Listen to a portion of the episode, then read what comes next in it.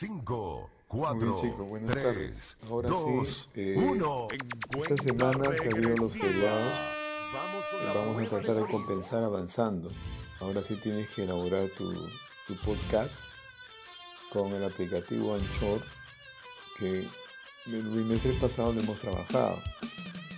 Tener en cuenta que tienes que tener tu guía, tu guion, porque nadie puede hablar si no tiene un guion.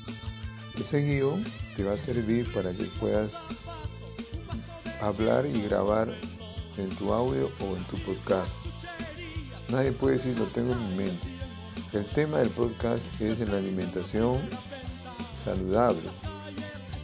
Ya, ya hemos trabajado durante todas estas dos semanas eh, sobre la alimentación saludable.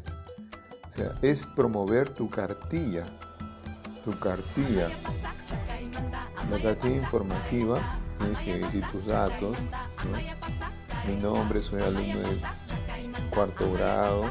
Esta oportunidad quiero eh, eh, compartirles lo que en mi cartilla informativa sobre alimentación saludable he informado. ¿no? ¿Cuántos de ustedes han más o menos será pues de una a dos, tres minutos. ¿Ya, chicos? Eh, en esta semana que estamos de la semana hemos tenido dos días feriados, nos quedan los días para terminar grabando. No tuviera yo un programa aplicativo para hacer mi podcast, lo tengo que hacer entonces con un audio usando el WhatsApp, un audio. Y si le pones un fondo musical, muy bien todavía. ¿Ya, chicos? Anímense, estamos en el cuarto bimestre, podemos levantar nuestros niveles de aprendizaje.